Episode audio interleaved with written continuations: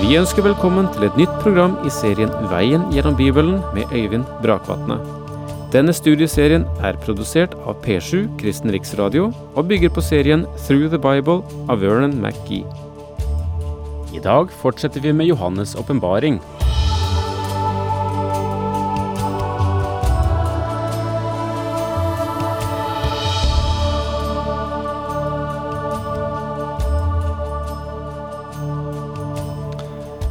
Vi befinner oss fremdeles i det første kapitlet i åpenbaringsboken. Det mektige kapitlet om Jesu Kristi person. Og denne gangen er det den herliggjorte Kristus som stråler frem for oss. Og det er viktig for å møte ham slik også, som den som har historien i sine hender og som styrer alt ved sitt ord. Hvis du noensinne skulle komme på den tanken at verden har glippet ut av Herrens hender, så skal du vende tilbake til første kapittel i åpenbaringsboken og lese. Les deg glad og trygg. Jesus Kristus, han er den som har makten i sine hender. Og han har en karakter som gjør at der ligger makten trygt. Her er ingen korrupsjon, her er ingen bimotiver. Her er det menneskets beste, det aller beste det dreier seg om. Men samtidig så er det også en makt som viser seg, og som skjærer vekk det som ikke representerer det beste. Og begge disse sidene hører til, men for et gudsbarn er det trygt å lese åpenbaringsboken og bli fengslet av denne mektige personen. La meg også få legge til at han er jo hovedpersonen i hele Skriften. Selv om det tales om mangt annet også i Det gamle testamentet, for eksempel, så er det han som er hovedpersonen. Og det er også viktig å lese Det gamle testamentet ut ifra den synsvinkel. Men nå må vi vende tilbake til Johannes' fremstilling slik han har sett det og hørt det, og går inn i vers 14 og 15 igjen. Hans hode og hår var hvitt som hvit ull, eller som snø, og øynene som flammende ild. Føttene var som bronse glødet i en ovn, og røsten lød som bruse av veldige vannmasser. Vi var begynt å se på disse versene før vi forlot hverandre sist. Og kom til føttene var som bronse glødet i en ovn. Og dette er symbolsk for dom. Bronsealteret utenfor tabernaklet representerer Kristi gjerning her nede på jorden, da han døde på korset. Det var her han bar din og min dom for synd, og nå dømmer han også oss som er hans egne. Menneskenaturen gjør opprør mot å bli bedømt og dømt. Mennesket vil gjerne ha en nusselig liten pakke med regler og forordninger som det kan holde seg til, slik at ens sinn slipper å bryes for mye. Der er en tendens i oss alle, mine venner, til å bli bokstavtreller. Vi vil ikke leve ved nåde. Gi kristne noen få enkle regler som de kan klare å overkomme, og så er de lykkelige. Og resultatet blir en gruppe som er mer kjent som pasienter enn som krigere. Og det er små førstehjelpsstasjoner både her og der for å ta hånd om våre små plager. Hvorfor? Menneskenaturen vil male som en katt når den blir strøket med hårene, men den vil sette piggene ut når det blir påpekt at man ikke har gjort jobben sin. Og det er årsaken til at Kristi gjerning som overvåker eller inspektør, om du vil, stort sett er oversett av menighetene. Han innehar nemlig stillingen som dommeren over menighetene. Han stryker oss ikke med hårene. Han overser ikke det han ser.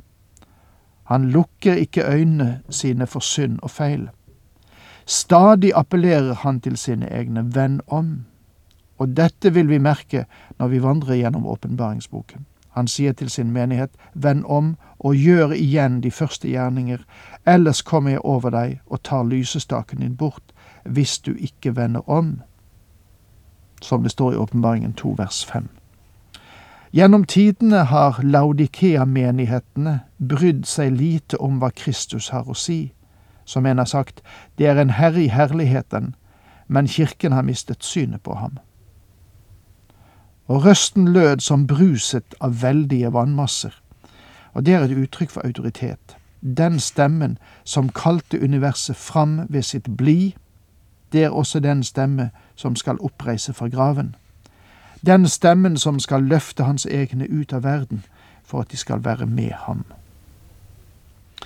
Alle disse språkbildene legger biter til bildet av Kristus som vår øverste prest, han som overvåker og dømmer sin kirke. Fest blikket på din øverste prest. Guds ånd vil hjelpe deg til å se ham i all sin skjønnhet og herlighet. Det er ingen som ham. I sin høyre hånd holder han sju stjerner, som betyr at han kontrollerer dette universet. Fra hans munn gikk det ut et skarpt, tveegget sverd. Bibelen forteller oss at sverdet representerer hans ord. I Hebreerne 4 vers 12 står det, for Guds ord er levende og virkekraftig og skarpere enn noe tveget sverd. Det trenger igjennom til det kløver sjel og ånd, marg og ben, og dømmer hjertets tanker og planer. Gud dømmer ved sitt ord. Han dømmer ved det også i dag. Når han taler ordet, mine venner, så er det best at vi noterer oss hva han sier, for han mener alvor. Ansiktet var som solen når den skinner i all sin kraft. Du kan ikke engang se mot solen. Tror du at vi vil ha mulighet til å se på Skaperen som skapte solen, han som er den herliggjorte Kristus? Det er egentlig veldige bilder vi står overfor her. Da jeg så ham, falt jeg som død ned for føttene hans, men han la sin høyre hånd på meg og sa, frykt ikke, jeg er den første og den siste. Johannes er en av de disipler som hadde den næreste kontakt med Kristus på jorden. Han er den som lå opp til hans bryst på den øvre sal. Johannes sto den Herre Jesus svært nær, faktisk tillot han seg å formane ham ved ett tilfelle. Men da han så den herliggjorte Kristus på Patmos, så reiste han seg ikke og klappet ham på ryggen og ville håndhilse på ham. Han prøvde ikke engang å begynne en samtale. Han falt på, an, på sitt ansikt som død. Virkningene av synet på Johannes var helt forlammende. Mine venner, siden Johannes reagerte slik, så kan vi være sikre på at du og jeg, når vi kommer inn for den Herre Jesu åsyn, da er all kjekkheten vår forbi. Vi vil falle ned for ham som døde. Han er den herliggjorte Kristus i dag, og jeg må si at jeg misliker mye av den respektløshet i forholdet til Gud og Hans Sønn Jesus Kristus som jeg møter i en del tankeløse ytringer. Kanskje du synes jeg er for skarp når det gjelder denne saken. Kanskje du har rett. Men glem ikke at Jesus sa, dere er mine venner, om dere gjør det jeg byder dere, som det står i Johannes 15 vers 14. Om du sier at du er Jesu venn, eller at Jesus er din venn, så må det samtidig innebære at du lyder ham. Dette synet av den herliggjorte Kristus fikk i alle fall Johannes til å falle ned og glemme all kameratslighet og fortrolighet i den sammenheng. Men det fantastiske er jo at han sier frykt ikke. Dette er en hilsen fra Gud som henvender seg til mennesker, og han gir oss fire årsaker til at vi ikke skal frykte. For det første, jeg er den første og den siste. Dette taler om hans guddom. Han kom fra evighet, og han går til evighet. Salmisten sier, før fjellene ble født, før jorden og verden ble til, ja, fra evighet til evighet er du Gud, som det står så vakkert i Salme 90, vers 2. Ordet evighet betyr fra den borterste horisont i fortiden til den borterste horisont i fremtiden er han Gud. Han er først fordi der ikke var noen før ham, og han er sist for det er ingen som vil følge ham. Og den levende. Jeg var død, men se, jeg lever i all evighet og har nøklene til døden og dødsriket. Jeg er den levende. Jeg var død, men se, jeg lever. Dette taler om hans forsonende død og oppstandelse. De fleste av oss har et skyldkompleks, og jeg er redd for at noen skal peke på oss og si du er skyldig. Slik kan vi selvfølgelig kjenne det, men Paulus tar opp dette spørsmålet i Romane 8,34, der han sier Hvem kan da fordømme? Kristus Jesus døde, ja, mer enn det, han sto opp og sitter ved Guds høyre hånd, og han går i forbønn for oss. Hvor er den som kan fordømme deg? Paulus sier, Hvem kan da fordømme? Kristus er jo død. Finner du feil ved meg? Sier du at jeg er en stor synder? Jeg vil du skal vite at Kristus døde for meg, og han har stått opp fra de døde. Han døde for min rettferdighets skyld, for å vise at jeg er tilgitt, og at jeg en dag skal få være hjemme hos ham. Og han sitter til og med ved Guds høyre hånd og går i forbønn for meg.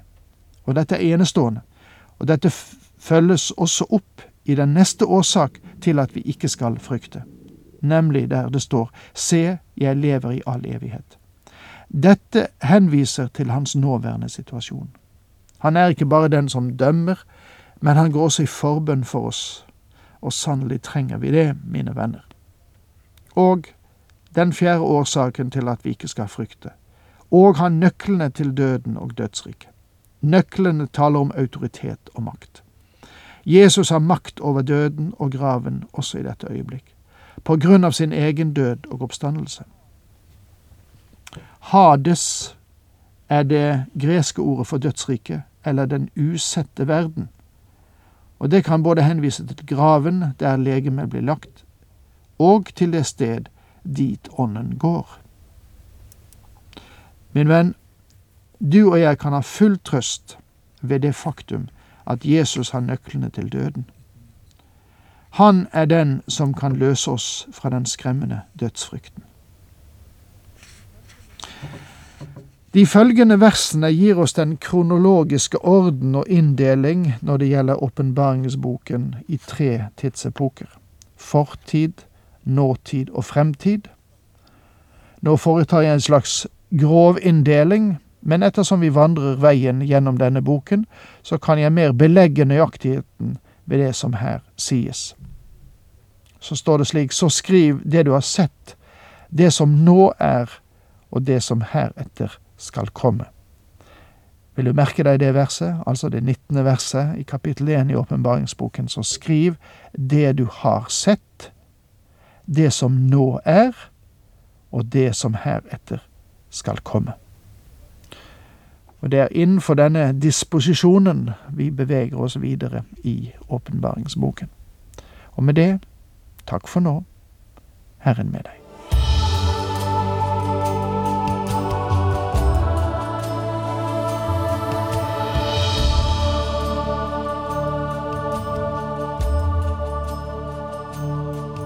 Du hørte Øyvind Brakvatne i studieserien Veien gjennom Bibelen. Serien bygger på et manus av Vern McGee. Har du spørsmål eller kommentarer til programmet, kan du sende en e-post til vgb krøllalfa p7.no. Takk for i dag, og på gjenhør.